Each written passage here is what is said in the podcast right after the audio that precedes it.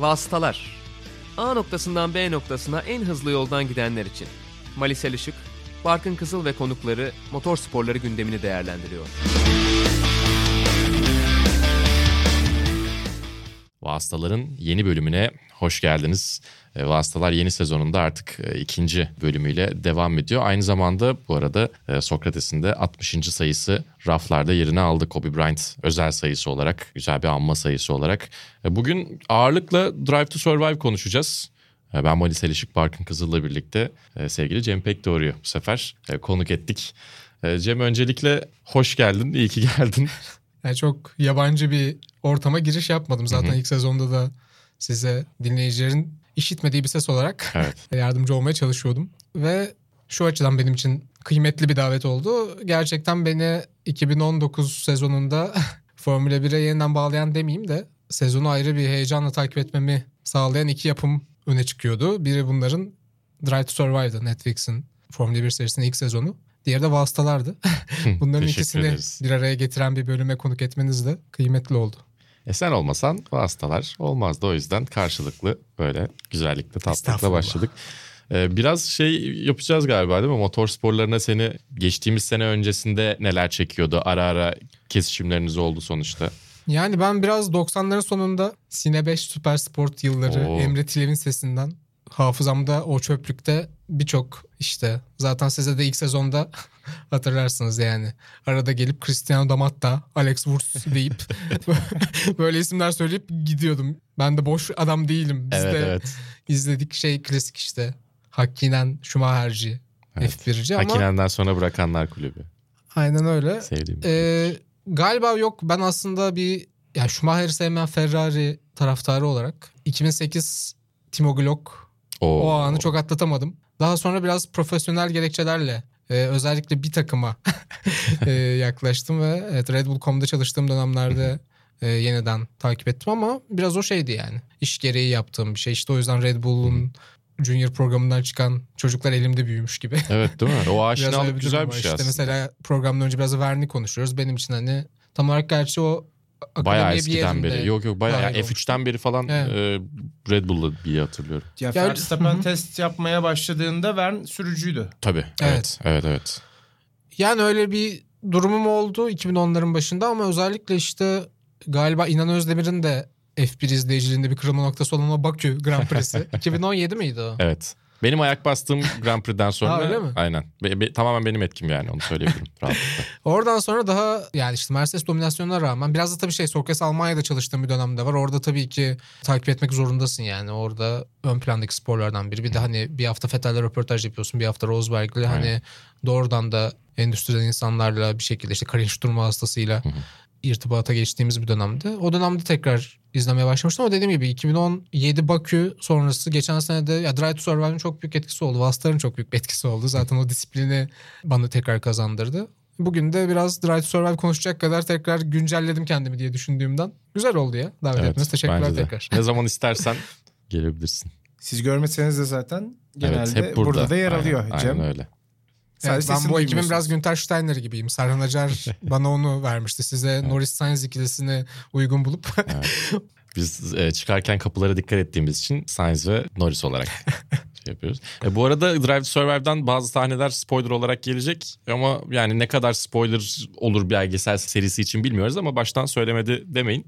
E, böyle durumlardan bahsedeceğiz. Ne var ne yok, hangi sahneler var gibi şeyler. Eğer izleme e, tecrübenizi etkiler diye düşünüyorsanız hemen gidin izleyin. Sonra Ben şöyle söyleyeyim bayağı spoiler olacak bence. O yüzden çok dikkatli yaklaşılmasında fayda Evet. var belgeseli bitirmeden. Sonunda Küfür Mercedes şampiyon oluyor. Evet.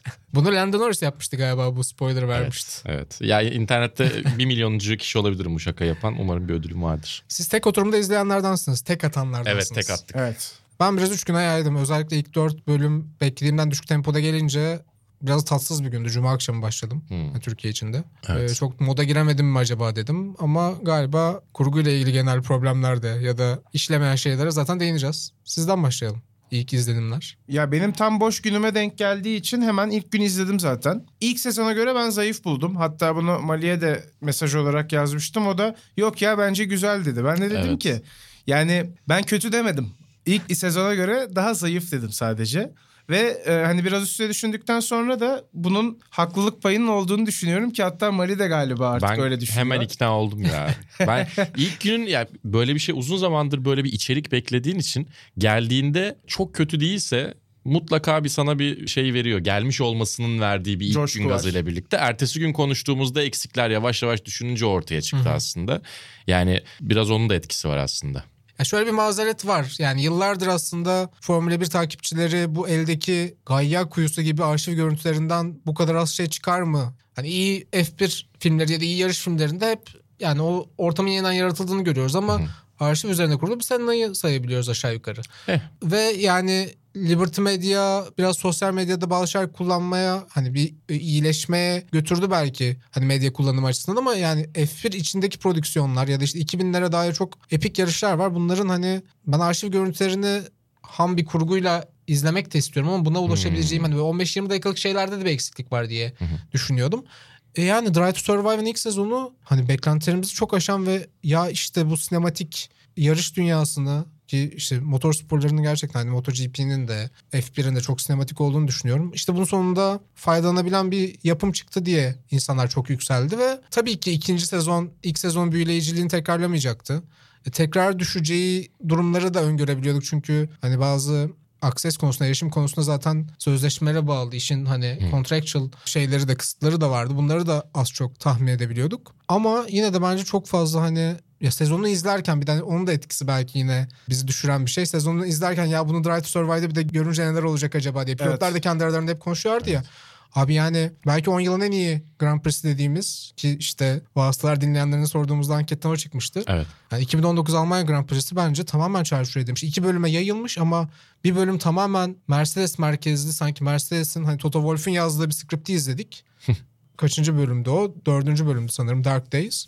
Sonra bir de Hülkenberg'le geri dönüyoruz. Ama çok şey kaçırıyoruz yani. Aynı şekilde Brezilya Grand Prix'sindeki Ferrari arkı da çok işlememiş. Yani çok iyi Grand Prix'leri biz hayal ettiğimiz gibi görmedik Drive to Survive'da. Yani ilk izlenimim oydu zaten. Sonra başka şeylere de değiniriz. Bana böyle sanki bir hikayeyi yazıp bir çizgi üstünde gitmeye çalışmışlar gibi geliyor ama Formula 1 işte öyle bir şey değil. Evet. Çok dinamik, çok yönlü bir şey olduğu için e, yani o anlatılmak isteneni anlatırken insanların beklentiye girdiği başka büyük olayları kaçırıyorsunuz. Mesela Almanya'da bunu çok net gördük bence. Yani sadece Mercedes'in hikayesi değildi o yarış. O yarışta yani olmayan şey kalmadı. O yarışa özel bir bölüm olmalıydı ve o bölüm Mercedes özelinde olmamalıydı bana Kesinlikle. sorarsanız. Hmm. Yani Mercedes bölümünü yapmalarına karşın ayrıca bir bölüm tekrar yine Almanya Grand Prix'si ile ilgili olabileceğini düşünüyorum. Williams'ı atabilirlerdi mesela. Mesela. Ya beni rahatsız eden şeylerden biri oraya da girelim. Ya ilk sezonun editoryal bağımsızlık anlamında çok daha ya çok daha özgür hareket ettiklerini düşünüyorum ki ilk sezondan sonra işte Mercedes'e Ferrari'ye yeterince girilememişti. Hatta öyle bir erişim yoktu. İkinci sezon Mercedes'e Ferrari'de kapılarını açıyor dendiğinde insanların bir çekincesi vardı. Kendi kurallarıyla girer bu büyük balıklar bu işe. Öyle de oldu. Düşüncesi vardı ve o yani en kötüsünden bile kötü bir şekilde oldu bence. O korkular gerçeğe dönüştü. Ya Özellikle Almanya Grand Prix'si bence bir apolojizme dönüştü gibi geliyor. Hamilton 39 derece ateşle çıktı. Normalde işte Mercedes'in motorsporlarındaki 125. yılı kutlanmasaydı, 200. Grand Prix olmasaydı, işte ev sahibi olduğumuz Home Grand Prix olmasaydı çıkmayacaktı etmeyecekti. Abi neler var yani ya da o pit stopu da öyle paketleyip geçemezsin ama işte Hülkenberg'le yeniden ziyaret ettiğimiz Almanya Grand Prix'sini yani kameranın sağından solundan Abi keşke 15 dakikalık bir highlight videosu izleseydim diyorum. Bir de ben tam galiba 3 haftalık bedelli askerlik vazifemi Hmm. yaptıktan sonraki haftaya denk geldiği için Almanya Grand kaçırdım bir de. Yani biraz daha da yükselmiştim. Drive to Survive'da farklı açılardan göreceğim diye düşünüyordum ama e, şöyle olmuş herhalde. Mercedes sadece bir bölüm ben Netflix kameralarını içeri alıyorum demiş. Onu da Almanya Grand Prix'si demiş. Ve yani keşke bu 10 bölümün dışında bir şey yapılsaydı yani. Sanki Grand Macaristan'da da var demişlerdi ama Macaristan Grand Prix'si de sanki olacak demişlerdi ama o oldu mu olmadı mı? Çünkü aslında güzel bir kendini affettirme yarışı Macaristan. Macaristan Grand Prix'si ile ilgili hiçbir şey konuşuldu. Ya bazı yarışlar tamamen yoktu. Tamam bu bir sezon değerlendirmesi Macaristan'ı hiç olmayacak ama bu yoktu. Ben herhangi bir şey olarak gördüğümüzü Kanada'da hatırlamıyorum. çok az vardı. Kanada'nın asıl dramatik kısmı yoktu. Yani sezon değerlendirmesi olmayacağını biliyoruz zaten ama Evet. anlattıkları hikayeler dahilinde onu zenginleştirebilecek şeyleri de ekleyememişler. Bölümler birer saat olabilirdi bence 40 dakika yerine madem öyle. Ya da 10 bölümden daha fazla olabilirdi. Biraz eldeki malzeme fazla gelmiş ve taşırmışlar gibi geldi bana. Ya bence o da Yaşadıkları olmazdı çünkü problem şeyleri de çok o gibi. fazla tekrara girdiğini hatırlıyorum. Çok o previously olayını çok yaptılar. Yani Hmm. ben Horner'ın aynı şeyini, repliğini dört farklı Evet. bölümde yani bağlamaya çalışıyor. Hani bıraktığımız yerden alıyoruz gibi ama hani elde çok materyal var mıydı ondan da emin değilim. Bunu da biraz şeye bağlıyorum. Yani birinci sezon bitti. Büyük yankılar hani Haas kazananlardan biri oldu mesela Günter Steiner sempatik bir adam oldu. Hani ekrana belki yarış sırasında alamadıkları screen time'ı Netflix'te almış oldu Tabii Haas. ki kesinlikle. Ee, bu olunca Ferrari, Mercedes biz de bir yerinde olmalıyız dedi. Renault ben bunu biraz daha kullanabilirim dedi. Bazı takımlarda herhalde çok fazla girmek istemedi ya da kendi kurallarıyla Netflix kameralarını soktu ve o hani ilk sezondaki duvardaki sinek durumunu Netflix tamamen kaybetti ve zaten her bölüm buna Göndermeler atıfta bulunan var. bir Evet. espriyle çıkıyor ama bu şeyi kaybettiriyor. Yani ben böyle perde arkasını filtresiz görüyorum durumunu daha ilk dakikadan ya o disclaimer'la açmak belki editoryal olarak doğru bir şey olabilir ama çok senin modunu düşüren bir şey oluyor Evet. bence. Doğru. Yani şey Netflix'çiler gelmiş Aynen öyle muhabbeti mesela. olması bir anda dediğin gibi o görünmezliği İşte kaybettiriyor. Toto Wolff Almanya'da şey Ricardo'ya laf atıyor. Bunlar şimdi de bana geldi diyor. Abi ben ondan sonra ya hiçbir şeyde o samimiyeti, doğallığı hissetmiyorum Ya ki. da öyle yapacaklarsa full e, şey yapsınlar. Tamamen mockumentary moduna girsinler. Arrested Development gibi böyle. Birisi bir şey yapsın. Toto Wolff'e zoomlayalım. O böyle birkaç lira havaya kaldırsın falan. Ofis gibi ya da. Daha önemli olan şeyi ikinci kez söyledi. İkinci sırada söyledim bu arada örnek. Ya hikaye Örnek arka ile ilgili de problemler vardı bence. Mesela ya 6. bölüm tüm bu başarısız olarak gördüğüm sezonun içerisinde büyük bir istisna işaret ediyor. Birazdan bahsederiz. Evet. Ben ondan sonra çok yükseldim. Yani 7. bölümde de Ferrari'leri yan yana görünce şeyde o stilde Hı hı. tam bundan sonra sona kadar inanılmaz gidiyor. Brezilya'da peak yapıyor diye düşündüm. Sonra bir Hülkenberg bölümü geldi ki bence kötü bir bölüm değildi.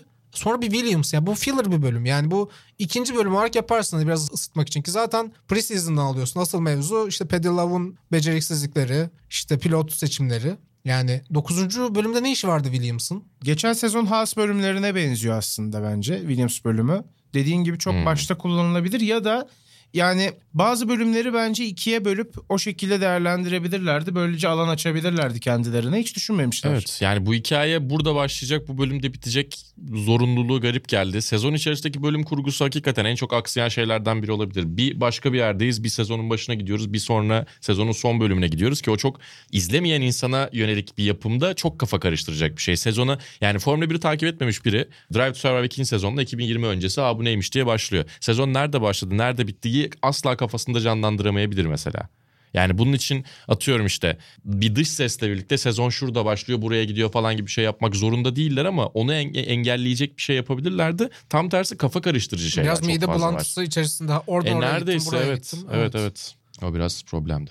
Valla olumsuz taraflarında konuşacak daha bir sürü şeyimiz var herhalde. O yüzden ben biraz Ferrari cephesinden yaklaşmak istiyorum bu olaya. Hem Almanya'dan hani az önce örnekler verdik. Mesela Vettel'i gördünüz mü Almanya Grand Prix'sinde belgeselde? Hiç. Vettel Görmedik. ne yaptı? Gridin en sonundan podyuma gitti o yarışta hatırlıyor musunuz? Ama işte mesela Formula 1 takip etmeyen birisi bunu asla bilmeyecek.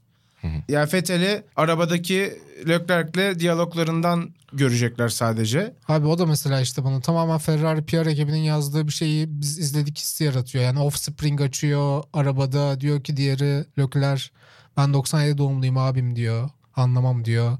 Sonra bir işte La Gazzetta dello Sport'ta manşet olmuşuz. Birbirinizden nefret ettiğini söyleniyor. Ama öyle olmadığını biliyoruz. İsterseniz Orada, el ele tutuşun, isterseniz öpüşebilirsiniz. orada Leclerc'in bakışı falan var mesela Fethel'e. Hani kaşını kaldırarak. Abi yani o gerginliğin en tavan yaptığı dönemler. Hani o biraz zorla oturtulmuş. Hadi Netflix için bir 5 dakika alacağız arkadaşlar denmiş gibi hissettiriyor.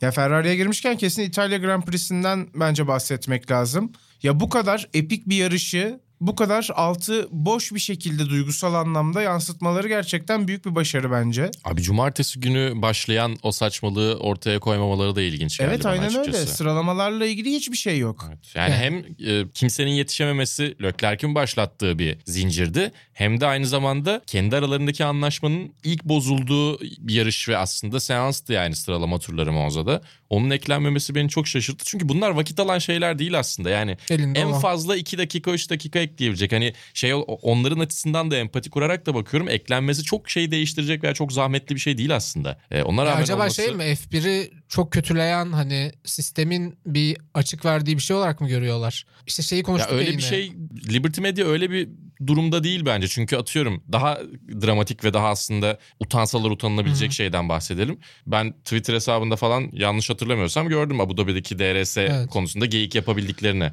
Bence o, o ayrımı yapıyorlardır yani. Şeyi de düşünmek gerekiyor ya yani Williams bölümünde Kubica neden yok diyoruz. Yani kişisel bir veto yemiş belli ki. Yani Kubica'nın kondisyonu ile ilgili hiçbir referans neredeyse görmüyoruz ve Evet. aslında çok hani işte geçen sezon biz işte yine Karin Sturm'la konuştuğumuz sezon öncesinde ya bir- size bir Ferrari yazısı mı yazayım 6 sayfalık yoksa Kubica'nın geri dönüşünü mü yazayım dediğimde Evet. Kubica yaz demiştik Çünkü yani. inanılmaz bir olay. Gerçekten inanılmaz bir olay. Ya işte ikinci bölümü Williams yapıp sadece gelmeyen parçaları değil Kubica tarafına da girebilirdin ama belli ki ya takım yok yani ya da Kubica rahat hissetmiyor da olabilir bu konuda. Benzer bir vetoda F1'den mi geldi ona diye düşünüyor insan Hmm. ama Bir de şey ya Williams'ın belgeseli zaten var.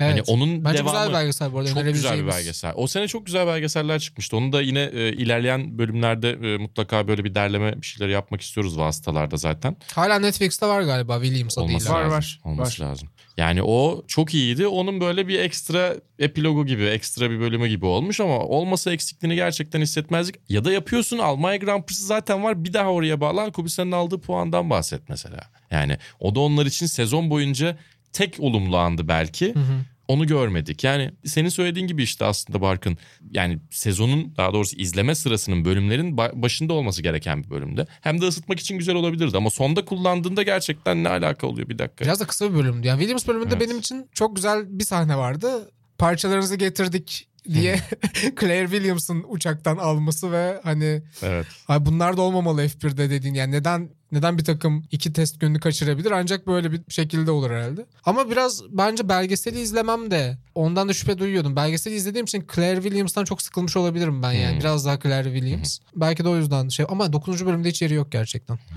Beğendiğimiz bölümlere geçebiliriz ya. Evet. Benim için 6. bölüm yani dün biraz Epik.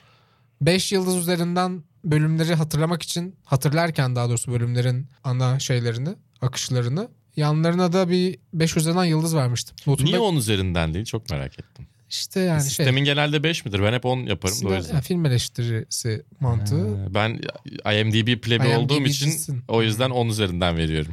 Sen de 100 üzerinden veriyorsun metaskorcu Barkın. Yok ama onun üzerinden skala biraz daha kolay oluyor bence. Ben 10 üzerinden de bile ondalık çok yapıyorum bu arada. Evet, 7.7 olur diye. Aynen o da öyle. yetmiyor. ben Aslında de ben, bu arada filmlerde öyle yapıyorum da bu hani daha Hmm. basit geçmek istedim. Hı. Ama yine çok garip bir şey oldu. Yani 4.5 yıldız vermişim 6. bölüme. işte hak eder. Antoine Hubert ve Albon Evet. e, arklarının paralel gittiği. Ya en yakın olan 3 yıldız var onun dışında ve notum kıttır şakası yaptım da yani aslında değildir. Yani ilk sezon çok daha yukarılarda olurdu. Ama 6. bölüm gerçekten yani mesela ben muhtemelen siz daha önce gördüğünüz görüntülerdir onları ama mesela Hamilton'ın Uber'in kazasını e, röportaj sırasında röportaj görmesi. sırasında görmesi tepkisi. onu Twitter'da görmüştük. e, Hamilton'ınkini. Ha. Alex Albon'un annesi artık Kankamol Albon mu diyoruz yoksa Evet o biraz bizi üzdü. Onu da söyleyelim. Kankamol Albon ismini vermemiş. Minky Medine ismini vermiş. Büyük ihtimalle Nigel Albon'un yani Alex Albon'un babasının soyadını artık kullanmıyor zaten. bir de unutmak İsmini de istediği bir değiştirmiş. geçmişi var evet. Evet ya aradığında çünkü Kankamol Albon diye aradığında işte hani belki çok e, artık konuşulsun istemediği legal muhabbetleri ortaya çıktığı için farklı bir isim vermiş. Onu anlayabiliyoruz. Ama Minky biz onu hala diyelim. Kankamol Albon ismiyle anacağız. çok yani güzel bir bize isim dava çünkü. açma hakkı var. Evet. Çok güzel bir Haberi isim. olsun. Yani isim, isim güzel olduğu için, inatlaştığımız için değil. Ya Kankamol Albon'un mesela orada tam bir racing mom olarak Evet. hani o kazayı görmesi ve Korea mıydı Juan Manuel Correa. demesi. Aha, Evet. Hayır hayır o tepki o şekilde veriyor. özür mı oldu Evet yoksa herkes tanıyor olması Evet evet herkes tanıyor çünkü herkes yani işte iki yıl falan da hapis yatıyor herhalde değil mi? Ona rağmen hani oğlunun o hikayesinin tam bir şey hissettim yani işte. Benim annem de mesela lise yıllarındaki yakın arkadaşlarımı iyi tanırdı. O Hmm. karakterleri bilirdi. Şu anda hayatımda kim var? E, sessizi tanımıyor mesela. Yani kim, yakın arkadaşlarını tanımıyor. Ama bu genç jenerasyona işte mesela ilk sezonda Leclerc'de onu hissettik. Bu sezon Albon'da biraz o sıcaklığı hissettiğimiz bölümler var. Gazliban'la mesela hiç işlemedi. Yani çok kötü bir oyuncu çok kötü bir başrol oyuncusu gibi geldi. Yani hep aynı ifadeyi gördüm sanki. Yani onu bir biraz olan hikayeyle biraz fazla yani ellerinde biraz malzeme yetersiz olduğundan hani Gazi'nin geri dönüşü, küllerinden doğuşu gibi bir narratif yerleştirmeye çalışmışlar ve yani son bölüm tamamen mesela Gazi'nin o kefareti gibi bir şey yapmaya çalışmışlar ama abi yani Onu konuşuyorlarsa Kvyat niye yok mesela? Çünkü Gazi'nin yaşadıklarının aynısını daha önce yaşayan adam ve aynı zamanda Aha. bu sezon Gazi'nin yaşadığı o yükselişi daha önce Almanya Grand Prix'sinde yaşadı. Abi bir de sezonu zamanda. izleyen birisi abi Gazli gerçekten büyük bir hayal kırıklığıydı. Evet. Red Bull'u Toro Rosso Evet, gibi evet. kullandı. Sonra Toro Rosso ile ne yaptı beni ilgilendirmiyor. Sonra Toro Albon'da- Rosso'yu Red Bull gibi kullandı ama artık iş işten geçmiş. Ya o tartışılır abi yani Albon'da Toro Rosso'yu. konuşamıyoruz şu an. Evet tekrar Olumlu yönlere döndük. konuşalım dedik ama şu an Evet. tekrar olumsuza döndük. Çünkü çok var. Ben de hatta bir şeylerden bahsetmek istiyorum. Hı. Bence o yüzden kendimizi de çok kısıtlamaya gerek yok yani. Hani Tabii canım. olumlu veya olumsuzu Evet evet. ayırıp da konuşmak gibi bir misyonumuz olmaması lazım bana göre. %100 katılıyorum Gezdi ile ilgili bu arada. Hayal kırıklığıydı. Ya şey de yok mesela onu da ya ilk sezon Racing Point bölümü favori bölümlerimizden biri değildi muhtemelen. Hı hı. Ama mesela Perez bir kötü adam gibiydi. Evet. Magnussen de biraz mesela Grosjean'ın o şeyinde ufak ne denir? Bipletmeden kendimi yani Sokrates Podcast'ta ben biplenirsem garip olur. Haytalıkları, hınzırlıkları. Ufak artık. haytalıklarını Magnussen'in görüyorduk. Bu sefer öyle köşeli bir karakter yok. Mesela Kiat çok iyi o kişi olabilirdi ki zaten Netflix'te diss atıyor olmadık Evet. bir yerde. Mesela Lando Norris ufak trollükler yapıyor sosyal medyada. O çok iyi olabilir ki zaten Lando Norris'in yokluğu herhalde Charlie Whiting'in hiç anılmaması ve Kimi Raikkonen'in yokluğu E, evet. ile birlikte hani ilk olarak bunları söylersin herhalde. Biz Evet. Başta Çok söylemedik eksikler yani evet. Mesela o kötü karakteri de hiç görmedim. Yani Hülkenberg de çok cool'du. Ricardo ile aralarında hiç gerginlik yoktu. Zaten Ricardo her zaman bir gülümseme. Yani Ricardo Sainz yine yaratılmaya çalışılan bir şey ama Gerçekçiliği ne kadar? Geçen sezon daha iyi işlemişti Sainz'ın bölümleri. Hmm. Yani Sainz mesela sezona başlarken Ricardo'yu geçmek zorundayım gibi kafasında bir düşünce var mı sizce? Bence yok. Abi yine şeyle Bence ilgili. Haas'a bir bölüm vermek zorundayız. Renault'a bir bölüm vermek zorundayız. Bunlar hani yapımı destekleyen ve muhtemelen öyle bir ajandası var. Ama çok fazla şirketinin. vardı. Yani Renault'da Haas'ta fazla vardı gibi gel. Sanki sezonun yarısı Haas ve Renault'a ayrılmış gibi bir etki bıraktı bende. Öyle olmasa da sanki bende bıraktığı şey olarak onları beşer bölüm daha doğrusu iki buçukar bölüm izlemişim gibi geldi bana. Ya Çok- tabii başrol oyuncular boğazınızdan sanki içeri Christian Horner, Cyril Abiteboul, Günther Steiner, ha, Toto Wolff da hani biraz giriyor. Orayı yöneten adamlar. Yani George Russell'ın yanında da giriyor mesela Toto Wolff. Bu arada mesela olumlu yanlarından biri benim için. O çok güzel bir insider'dı değil mi? Evet yani bu kadar böyle mi oluyor gerçekten bilmiyorum ama hani Mercedes'in Junior programında geçen bölüm o konu gördük geçen sezon. Bu sezonda Russell'ı gerçekten menajeri gibi o görüşmelere giren kişi Toto Wolff. Yani Toto Wolff'un aracının arkasında sana Esteban'ı getiriyorum diye Cyril'le konuşması falan. Ya bu kadar hands-on olduğunu bilmiyordum Toto Wolff'un. Yani çünkü mesela Red Bull Junior programında Horner'a kalmıyor o iş yani. Evet. İşte Helmut Marko falan daha fazla mesela Evet. karar verici bildiğim kadarıyla. O güzel bir detaydı. Güzel bir şey çıkarabildim. Bir de Formula 1'de aslında işlerin hep öyle yürüdüğüne dair de bir şey ama onunla ilgili de bir gönderme yoktu. Zamanında işte Flavio Briatore'nin yaptığı gibi hani hem junior programlar olmadan dahi bunlar yapılıyordu genellikle. Hani kanatları altına alıp Alonso'yu mesela. Alonso'yu aynen Briatore. Flavio Briatore. Yani bu tarz şeylerin olabildiği çok şey var aslında ki Briatore'nin çok var bu arada hani. Hı hı. Benzer örnekler de mutlaka vardır. Button oradan bir aynen oradan bir bağlantı bir şey çok fazla çıkarmamışlar. Ya o sadece kendi içerisinde ilginç ama Formula 1'de işler genelde hep böyle yürür falan gibi şeyleri ilk sezonda daha iyiydi mesela. Ya şey Formula gibi 1'in mesela- mutfağı gibi. Ben hani casual F1 takipçisinin bir adım daha ötesindeyim. Bana özel bir şey vermiş gibi hissettim o Evet, Toto evet. Wolff Russell şeylerinde. Yani, Ben de keyif aldım bu arada ondan. Ha dedim evet güzel yani hani telefonla. Bir de şey çok güzeldi. Fransızca konuşuyor olması da güzeldi mesela Evet, orada. evet. Cyril o da. Mesela abi Günther Steiner Güzeldi. başrol oyuncularından biri. Ben ikinci sezonunda Steiner'in dönüştüğü şeyi siz galiba hepiniz izlediniz bu yerli yapım dizimizi. Leyla ile Mecnun'daki Erdal Bakkal'ın dönüşümüne benzetiyorum. Hmm, Yani güzel. ilk sezon Evet. aa ne kadar garip bir adam ama işte benim işte büyüdüğüm yerde de mesela Çorlu'da Kenan Gıda vardı. O adama benzetiyordum. Yani eksantrik bir tip ve bu adam daha fazla... Kenan Gıda'ya benzetiyor? Yok Erdal Bakkal'ı. Ya zaman içerisinde daha fazla şey görmek istiyorsun onun hakkında. Ama ikinci sezon Leyla ile Mecnun'da bütün bakkal sahneleri bir skece dönüşmüştü. Evet. Yani orada karikatürün karikatürü olan bir karakter Evet, olarak kendi işlendi. kendinin parodisi olmaması gerekiyor. Doğru Steiner de öyle yani ilk sezonki şeyler çok doğal tepkilerdi o Wankers Rockstars hikayesi gibi. Şimdi gidip Toto Wolff'e laf atan işte eşinle Almanca konuşamıyorsun ama benimle konuşabilirsin diyen bu da bir spoiler. Şey hatırlıyor musunuz? Bir yerde Steiner'e şey diyor yanındaki. Netflix mikrofonu takılı ve açık mı diyor. Umurumda değil deyip işte sonra Şey diyor galiba Evet. sinirlenmeye devam ediyor. Bir şeye kızıyor zaten. ilk bölümlerden birinde şey Evet, var. evet. İsteyince atıyorlar ya diyor Netflix. Ha doğru söylüyorsun. hatırlıyor musun? Doğru söylüyorsun. Evet, evet, evet. Ya mesela o, o rahatlığı bir şekilde hissetmiş bence Cyril, Günter gibi tipler. Ama bir yandan da böyle şirket kararı olarak alınmış birçok şey. Bu sahne içeride kalıyor mu? Mesela ilk sezon o yüzden bence biraz Netflix o boşlukları iyi Evet. değerlendirmiş ve o yüzden bize daha editoryal bağımsızlığı yüksek bir şey gibi geliyor. Artık böyle bu sahne kalıyor mu kalmıyor mu diye uzun uzun konuşulmuş ve bence ilk kattan çok farklı bir şey izledik biz. Hı hı. Ya bana böyle önceden biz bunu anlatacağız deyip de o hikayeye devam etmeye çalışmaları kesinlikle puanın yarı yarıya düşmesine sebep oluyor gibi geliyor. Ya gidişat konusunda bir fikir ayrılığı mı yaşamışlar, fikir birliğine varamamışlar mı daha doğrusu ama böyle bir biz şöyle bir belgesel çekeceğiz. Bunun için böyle bakıyoruz dememişler ama sene başından toplamışlar. Daha sonra kurgu odasına veya işte şeye girdikten sonra bu duruma bakmışlar. Yani bundan ne çıkartabiliriz gibi. Ona göre çekmek başka bir şey. Bu çok zor ama yani Formula 1 spontane bir spor sonuçta. E işte evet. Ne gördüyseniz aslında onun hikayesini geri yansıtmanız lazım bana göre. Ama Yani onu da doğru yansıtmak gerekiyor. İşte öyle biz- yapmış olsalar bile problem olabilir. Piste biz çekmek istediğimiz şeyi biliyoruz deyip gidemezsiniz. Çünkü yarışta ne olacağını önce- önceden kestirmeniz imkansız.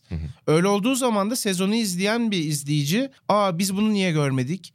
Bu niye hiç yoktu?" İşte İtalya'da ne mesela Leclerc'in hem Hamilton'la hem Bottas'la mücadelesi var ilk sırayı korumak için. Ama yok görmüyoruz. Görmüyoruz yani Leclerc kazandı. E Peki kazandı. Antoine Hubert'in öldüğü yarış hafta sonu Spa'da Charles Leclerc yani en ciddi etkileyen isimlerden bir tanesi. Tepkisini almıyoruz. Bilmiyorum bana çok yetersiz geliyor işte bu sebeplerden. Ya bir de 2019 sezonu aslında ya izlerken de sürekli aa Drive to Survive malzeme aa bu yarışı nasıl anlatacaklar. Tabii canım Twitter Dediğimiz üzerinden yani- sürekli o şakaları yaptık aslında. 2018'den daha yüksek bir sezonda aslında. Kesin. Evet. Tabii Belki ki- o problem olmuş olabilir işte. Ben Bazı- biraz onu düşündüm. Şöyle bahaneleri de var ama mesela karakterler neredeyse tamamen aynıydı. Yani blokları bir daha işleyemiyorsun. O yüzden Albon'dan bir bloklar yaratmaya ya da Gazze'den bir bloklar yaratmaya çalışıyorsun. Ya da yani mesela gelecek sene muhtemelen ya sezon içerisinde birçok koltuk değişeceği için onların perde arkasını çok fazla göreceğiz 3. Hı hı. sezonda. Belki bir Raikkonen bölümü çıkacak. Belki bir bilmiyorum. Belki bir Norris bölümü artık çıkacak. Bunlar biraz şey katabilir. Biraz hareketlendirebilir işi ama e, ya 3. sezon daha iyi olacaktır diye umuyorum. Biraz o olumlu şeylere odaklanmaya çalışırsak. Sen, senin de aslında olumlu noktalarından bir tanesi o. Muhabir kalabalığı olmaması çok Hmm. hoşuma gitti benim. Bir tek Will Buxton var gayet güzel. Ki bence muhabir konusunda da benim zirve gördüm Çok iyi bir adamlardan bir, evet. tanesi. O iyi olmuş ya bir sürü nobody nobody yolları gelip konuşuyordu falan. Sen kimsin diyene kadar konuyu söylediği şeyi dinlemiyordun. Ya biliyorsun tabii ki ama o adamları orada görmek çok fazla istemiyorsun. Ne gerek var diyorsun. Onu bir kişiye vermeleri güzel olmuş bence. Gazli arkı beni biraz baydı dediğim gibi ama galiba 5. bölümün son, son sahnesi o Gazli isminin sökülmesi her yerden Aa, evet, silinmesi ve yerine Albon isminin nakşedilmesi ve Albon'a Gazli'ye çektikleri fotoğrafı aynı açıdan Evet. ne şey denir? diyorlar ya o öğeyi, öğeyi kaldıracağız yerine seni koyacağız. Evet onlar evet da- Gazli'yi de, de isim de kullanmıyorlar. Çok güzel bir detaydı o Bir doğru. yandan da böyle hani F1'i sevmeyen bu çok endüstriyel ve çok böyle soğuk bir gerçeklik var. Burada aslında kaskın altında kimin olduğu çok da önemli değil yani. Sadece 20 tane şanslı çocuk diyenleri de çok onların eline oynayan bir şey aslında. Ee, bir de şey sinematografi bence daha iyiydi geçen seneye göre katılır mısınız bilmiyorum. Daha güzel böyle aklında kalan işte o şey gibi stickerlar gibi imza görüntüler daha fazla benim aklımda kaldı. Ama İlk işte sezonu ben bir daha izlemek istiyorum şu anda mesela o Evet. kıyasla gidebilirim. Aynı hissiyat bende de oluştu. Yani diyorum acaba biraz unuttuk ve hani çok beğenmiş olmanın, ilk kez görmüş olmanın Hmm, böyle bir içeriğin olmasının verdiği. coşkuyla mı ilk sezonu biz hani bunun biraz daha üzerine koyup çok daha iyiymiş gibi hatırlıyoruz yoksa işte ikinci sezondaki gördüklerimizi çok beğenmediğimiz için de mi o ilk sezon biraz daha yüceliyor? Onu görmek için ben de bir kere daha izlemek istiyorum açıkçası. Bence yine çok değiştirmeyecektir yargılarımız. Ya abi mesela o ikinci bölüm abi House bölümü Rich Energy giriyor çıkıyor yani. Rich Energy yeterince gömmemişler. Şarlatan herifi. O da ilginç geldi bana. Ya William Story'yi alıyor oturtmuşlar. belgeselde. Evet. Ve yani. şey yani cevap hakkı doğan kısmı şey yapma. Ben Will Buxton'da sonra bir giydirirler ona diye düşünüyordum. Hani belki onun üzerinden bir şeyle. Niye öyle bir şey yapmaktan çekinmişler? Dava açar falan diye mi korkuyorlar acaba? Mesela belki Force India Racing Point geçişini çok daha sert almışlardı geçen sene. Evet. Tabii evet. Yani ilginç geldi bana açıkçası. Çünkü Rich Energy bir de oradan gidebilecekleri ayrı bir nokta daha vardı. Yani Formula 1'de böyle garip sponsorluklar hep oluyor tarzı Yine bir şeyler. Amerikan şirketi değil mi? Rich Energy Amerikan şirketi değil ya. İngiliz. British mi? Aa. British British logosunda Yine bir şey büyük oyunu bozuyordum az daha ama olmadı. Amerika'nın oyunu diye olabilirdi. Ya güzel noktalar olarak artı olarak baktığımız şeyler nereden baktığına bağlı olarak eksi de olabilecek şeyler olduğu için Yani ilk sezona göre biraz daha yapay drama az var gibi geldi bana açıkçası. Ama ilk sezonun doğal şeyleri de biraz daha doğallıktan uzaklaşmış. İşte o denge bazı yerlerde kaçmış bazı yerlerde dengeye gelmiş. Ama son ürüne baktığında yine beklentinin altında kalıyor o açıdan. Bu Yani- arada ben Christian Horner'a laflar hazırladığımı söylüyordum Ha güzel. sürekli. Hiç değinmedim galiba. Ya bence en büyük gaf hani 6. bölüm harikaydı diyorum. Ama oraya bir şerh düşeceğim. Abi sen Albon'u Uber'in kaybedildiği, Uber'in vefat ettiği hafta sonunda ki Albon'da ilk yarış olacak. Motive etmek için şu cümleyi kurar mısın ya? Senin yerinde olmak için sağ bacağını verirdi. Sağ kolunu Sağ kolunu verirdi. kurmazsın. Diyecek bir şey yok yani buna. Bu nasıl kaldı ya da yani nasıl Horner bunu atmalarını istemedi? Ki zaten ben genel olarak hani çok Hollywood görüyorum ki bu bölüm iyice öyle işlenmiş. Bu sezon iyice öyle işlenmiş Gary Halliwell'ın de dahliyle. Ama şey sahnesi komikti. E kızlarından birinin favori pilot olarak Sebastian demesi. Gerçekten Sebastian'ı seversin abi yani. Yani Sebastian Vettel'in de çok sempatik kısmı yine çıkmış ortaya çünkü gerçekten öyle biri. E, ama bir taraftan Ferrari bölümü içerisinde de ara ara böyle Vettel'i hafiften kötü göstermeye. Ben- çalışmışlar ben öyle gibi geldi. Ben sanki öyle bir hissiyat aldım. Çok fazla değil tabii ki de. Daha doğrusu ikisi de birbirine karşı çok keskinler yarışçı bu adamlar sonuçta. Yani biri diğerine göre daha şey değil. Bir de yani dört kez dünya şampiyonu bir adamın ne olursa olsun tabii ki sezona giriş beklentisi ben bu takımın tartışmasız birinci pilotuyum olması gerekiyor. Ya bir kere şunu söyleyeyim. Ferrari'deki iki sürücünün arasındaki gerginlik herhangi bir başka takımda yok. Hmm. Ve bunun üzerinden hemen işte aralarınız kötü gösteriliyor şeklinde bir oraya hemen paranteze atı vermişler. Biraz bir şarkı Yani dinleyelim. dinleyelim. ortada Araları iyi değil Evet, yani. evet. Bence araları iyi değil. Olmak zorunda değil Sadece zaten. Böyle profesyonel bir anlatabilirlerdi ilişkileri mesela. var. Ya araları Takım iyi olmak arkadaşı. zorunda değiller. Çok güzel bir çıkış noktası olabilir Aynen Netflix öyle. için. Niye mesela onu tercih etmemişler? Muhtemelen bu Ferrari'nin kararı Bir de biz sadece. Vettel'de görüyoruz kamerayı aslında. Leclerc'in ben kendine ait bir anı hatırlamıyorum. Binotto'nun bu konuda çok bir şeyini hatırlamıyorum. Ya güzel böyle ufak detaylar e, aklıma yine geldikçe söylüyorum. Takımın Mercedes takımının ismine dair e, Lewis Hamilton'ın, Toto Wolff'un ve sonrasında Valtteri Bottas'ın e, kendilerini tanıtırken İlk- kullandığı ilk şeyler galiba. var. İlk bölümde. Yani o, o spoiler olmasın diye hani onu çok fazla belki şey yapmayabiliriz. Hani görünce çünkü etkisini kaybedebilir ama Biz de bunu Alfa Tauri'de yaşayacağız bu sene muhtemelen. Olabilir. Siz- neydi bu takımın Bakalım. ismi? evet ya birkaç senedir oluyor zaten Racing Point sonra işte Alfa Tauri. O mesela güzeldi. O tarz kurguları güzel yakalamışlar aslında. O tarz noktaları güzel yakalamışlar. Ama bunu yaptıktan yani tam olarak böyle kendilerini ne- nerede konumlandırdıklarına karar verememişler gibi geldi bana. Çünkü çok iyi bir malzemeydi. Bu malzemeden epik bir şey çıkarabilirlerdi. Bu malzemeden geyik bir şey çıkarabilirlerdi. Bu malzemeden ikisinde karması ve epik olması gereken yerlerde geyik, geyik olması gereken yerlerde epik şeyler çıkarmaya çalışmışlar. Bazı yerlerde o zorlamayı da görüyorsun. Yani şey olarak anlatı olarak belki kurgu olarak değil ama şey olarak hikaye olarak değil ama Sizce Raikkonen kendisi mi girmek istemedi? Ya Kiat mesela beni görmezden geldi bu herifler bütün sezon falan diyor. Raikkonen sadece bir basın toplantısından o exit interview'dan bir şey almışlar. Alfa Romeo hiç yok zaten. Evet. Evet. Herhalde o yani şey de yok bu sezon. Racing Point'te. Evet. evet Racing, Racing Point'te Point'te yoktu. Ya bazı kısımların tamamen görmezden gelinmesi bence Ya bir sebebi vardır iyi onların. değil ya. Ya mutlaka vardır da söylersin bunu bir şekilde. Yani ben şunu söyleyeyim. Bilmiyorum. Hiçbir takımı Haas kadar az merak etmedim bu sene. Kesinlikle. Evet doğru. Ya bir Haklısın. abi ya bir sezon önce adamlar ya takımın genç tarihinin en iyi sezonunu yaşarken bile Steiner'in çok yukarılara çok aşağılara İnip salınımı çıktığını gördük. Ya burada feci bir sezon geçirdiler. Evet. Yani ne Grosjean üzerinden bir drama var geçen sezonki şeyin follow-up'ı olarak. Ya Steiner'in tepkilerinin hepsi çok plastik tepkiler. Hani yine eğlenceli işte ne bileyim şeye gidiyoruz ya Meran'a Hmm. Kuzey İtalya'da onu o aksanıyla eşine yemek yaparken görmek falan güzel.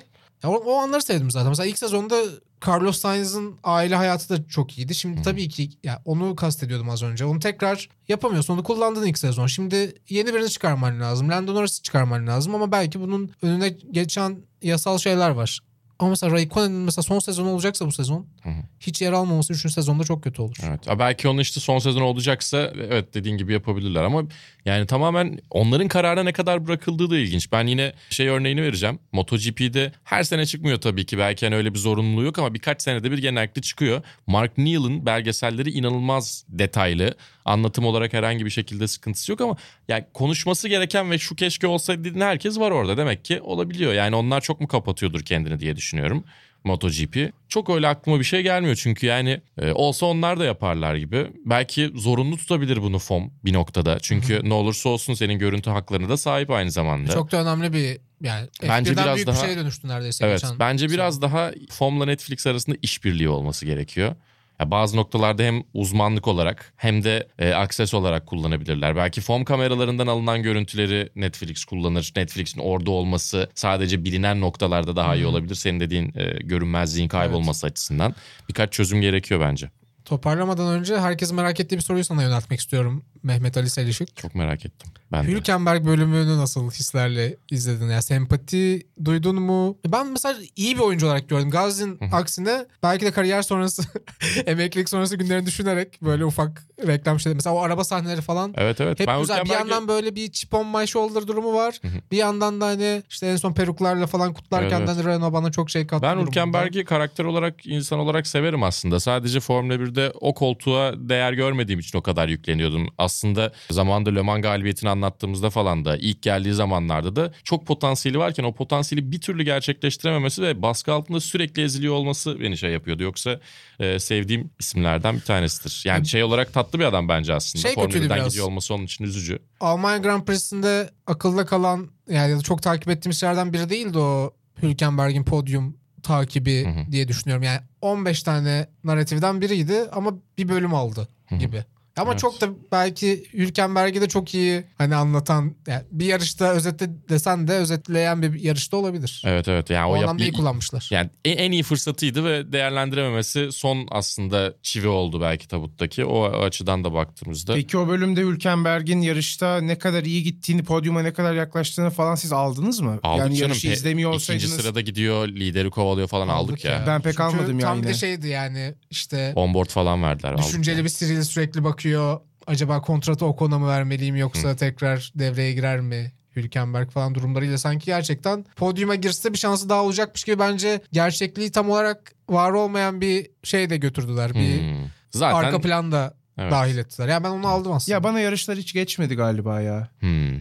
Yani yarış içi sahnelerin, yarışların gidişatı ile ilgili hani o yarışları bilmiyor olsam çok bir şey anlamazdım Ha, herhalde. mesela ben, bence Brezilya'da Ferrari teması hiç geçmiyor. evet, hiç o kadar kesin. büyük bir olay gibi gelmiyor. Aa o da yoktu. Bak ben vardı o telsizi falan şey yaptık ama, ama yani çok yarışta çok, daha çok az. yani canlı izlerken çok daha fazla aldık onu. Onu demek istedim yani Evet. anlatabildim herhalde. Canlı zaten. izlerken biz, biz verince Barkın'da beraber biz beraberdik. Yastığa bağırmıştı Barkın. Müthiş bir andı. Ben Timo Glock anında bu arada o dönem İTÜ'de birinci sınıf öğrencisiydim herhalde. Hmm. Terlik atmıştım ben televizyona. Güzel. Ee, şey mi? e, LCD mi tüp gibi mi?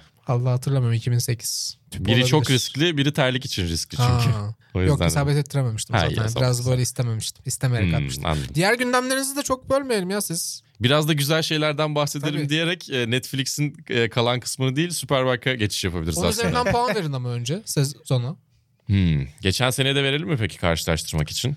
Ya ben tamamen spontane. Tamam. Söyledim. Çünkü şey geçen sene o kadar taze değil diye. Evet. Bir daha izlemek lazım onu. 6.8 veririm ben yine ya. IMDb gençliği. Evet. İyi söyledi ya. Katılıyorum. yani 7 7 civarı 7'nin altı ama 7 civarı evet. 6.2. Ya 7 fazla gelir ama 7'den de çok uzaklaşmaz Evet, evet. çünkü ne olursa olsun Anladım bir Formula demek 1 istediğini içeriği. zaten 6.8 deyince. Güzel. Fikir birliğindeyiz seninle. 6.2 dedim ben. Güzel. O da iyi. Makul aşağı yukarı aynı banttayız aslında yani. Ama şey ilk gün izlediğimde gerçekten çok hype olduğum ve eksiklerini düşünmediğim için ilk gün daha yüksek verebilirim. Seninle konuştuktan sonra Barkın biraz daha kafamda oturdu. Bir şeyler okudukça daha da "Aa, evet o da yoktu diye. Çünkü o anda bir checklistle girmediğin için eksik kalanları falan unutabiliyorsun. O noktada işte beni 6.8'e çeken de biraz o izlerken izleniyor. Bence tek oturuşta izlenmesi çok iyi bir sezon olmamış. O eleştirilerden bir tanesi olabilir. Hani bir gün bir gün bir gün gittiğinde daha üst üste gelen şeyler az batıyor Abi olabilir çünkü araya bir sürü şey geliyor sonra o yarışları Hmm. tekrar dönüyorsun tekrar yani öyle bir Evet. devam çizgisi oluşturamıyorsun ki ama 6. bölümü herkese tavsiye ederim ben. Evet. Ya bu Ya tek arada bölüm olarak bile izlenebilir. koronavirüsünden eğer sezon 10, böl- 10 yarışa düşerse her yarışa bir bölüm yapsalar bence önümüzdeki yıl 9.5'luk falan bir yapımda görebiliriz. Çok güzel bağladın Hemen- gündemi. Hemen mail at Netflix'e. Koronavirüs e, bizi üzmeye devam ediyor açıkçası. Katar MotoGP iptal ama çok saçma bir şekilde hali hazırda çocuklar zaten testte orada diye Moto2 ve Moto3 devam ediyor. Dışarıdan gelenlere çok korumacı davrandığı için e, kendini koru- koruyan bir tavır aldığı için Katar tabii ki. Moto2 ile Moto3 yarışı olacak sezon açılışında MotoGP olmayacak ama. Çok saçma bir durum. Tayland ertelendi. Ne zaman olacağı belli değil. Sezon en iyi ihtimalle Austin'de başlayacak ki Amerika'da da e, yayılmaya başladı ve ilk e, ölüm gerçekleşmişti Washington eyaletinde. Eyalet olan Washington'da. Stüdyomuzda siren sesleri eşliğinde anlatıyoruz bu gündemi. Geliyor mu? Karantinaya mı Bu- giriyoruz? buna buna e, hakikaten efekt yapmadık yani gerçekten şey gibi Gerçekten öyle. ucuz e, sabah radyo programı efektiyle. Koronavirüs konuşurken siren olması beni biraz gerdi. Formula Ee, E'de benim timeline'ıma düşen bir haber vardı. Jean-Eric Verne yine zaten biraz bahsettik. Evet. Ee, o galiba karantinada geçirmiş.